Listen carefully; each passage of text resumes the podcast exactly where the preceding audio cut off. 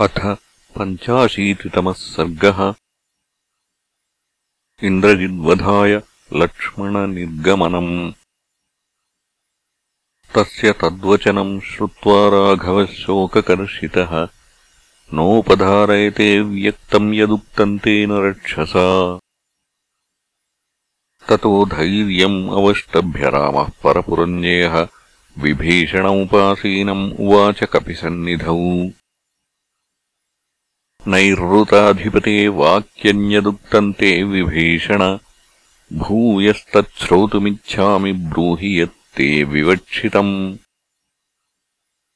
राघवस्य वचः श्रुत्वा वाक्यम् वाक्यविशारदः। यत्तत्पुनरिदम् वाक्यम् बभाषे स विभीषणः। यथा ज्ञप्तम् महाबाहो त्वया गुल्मनिवेशनम् तत्तथानुष्ठितम् वीरत्वद्वाक्यसमनन्तरम्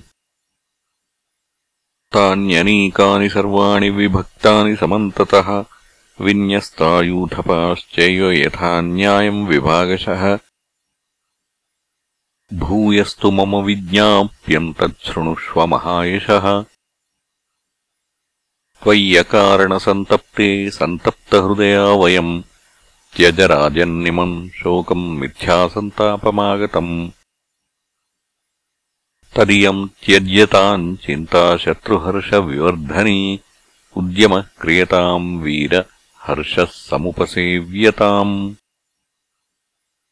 प्राप्तव्या यदि ते सीता हन्तव्याश्च निशाचराः रघुनन्दन वक्ष्यामि श्रूयताम् मे हितम् वचः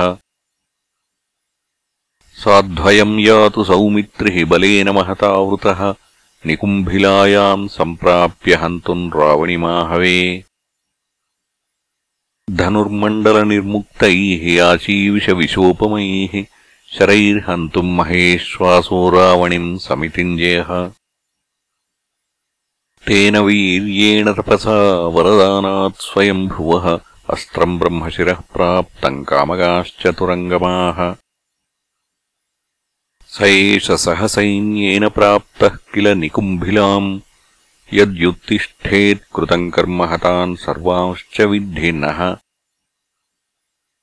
निकुम्भिलाम् असम्प्राप्तम् अहुताग्निम् च यो रिपुः त्वामाततायिनम् हन्यात् इन्द्रशत्रोः स ते वधः वरो दत्तो महाबाहो सर्वलोकेश्वरेण वै इत्येवम् विहितो राजन् वधस्तस्यैष धीमतः। वधायेन्द्रजितो राम सन्दिशस्व महाबल। हते तस्मिन् हतम् विद्धि रावणम् ससुहृज्जनम्। विभीषणवचः श्रुत्वा राघवो वाक्यमब्रवीत्। जानामि तस्य रौद्रस्य मायाम् सत्यपराक्रम स हि ब्रह्मास्त्रवित्प्राज्ञो महामायो महाबलः। करोत्यसंज्ञान् सङ्ग्रामे देवान् सवरुणानपि। तस्यान्तरिक्षे चरतो रथस्थस्य महायशः। न गतिर्ज्ञायते तस्य सूर्यस्येवाभ्रसम्प्लवे राघवस्तु रिपो ज्ञात्वा मायावीर्यम् दुरात्मनः लक्ष्मणम् कीर्तिसम्पन्नम् इदम् वचनमब्रवीत्। यद्वानरेन्द्रस्य बलम् तेन सर्वेण संवृतः हनुमत्प्रमुखैश्चैव यूथपैः सह लक्ष्मण। जाम्बवेन क्षपतिना सह सैन्येन संवृतः जहितम् राक्षससुतम् मायाबलविशारदम्।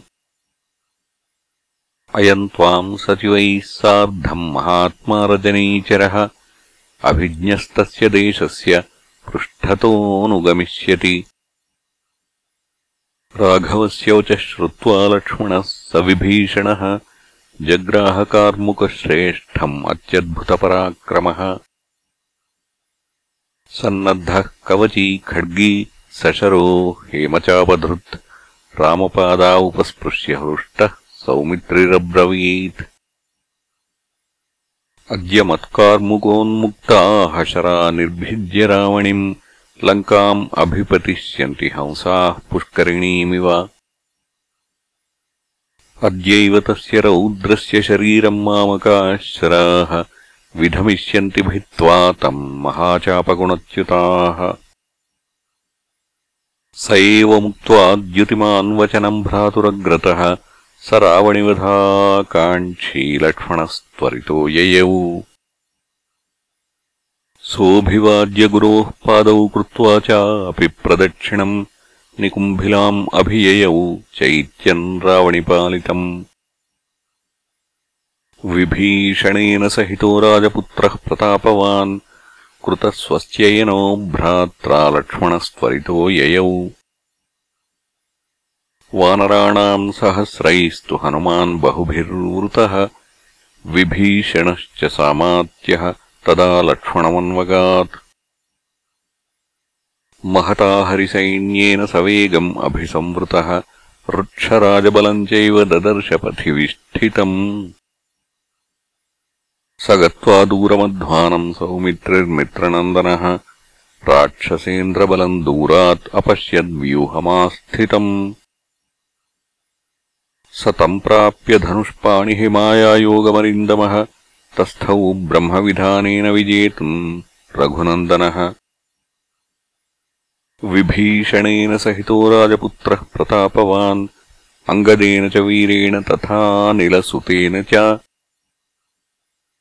विविधममलशस्त्रभास्वरम् तत् ध्वजगहनम् विपुलम् महारथैश्च प्रतिभयत मम प्रमेयमयेगम् तिमिरमिव द्विषताम् बलम् विवेश।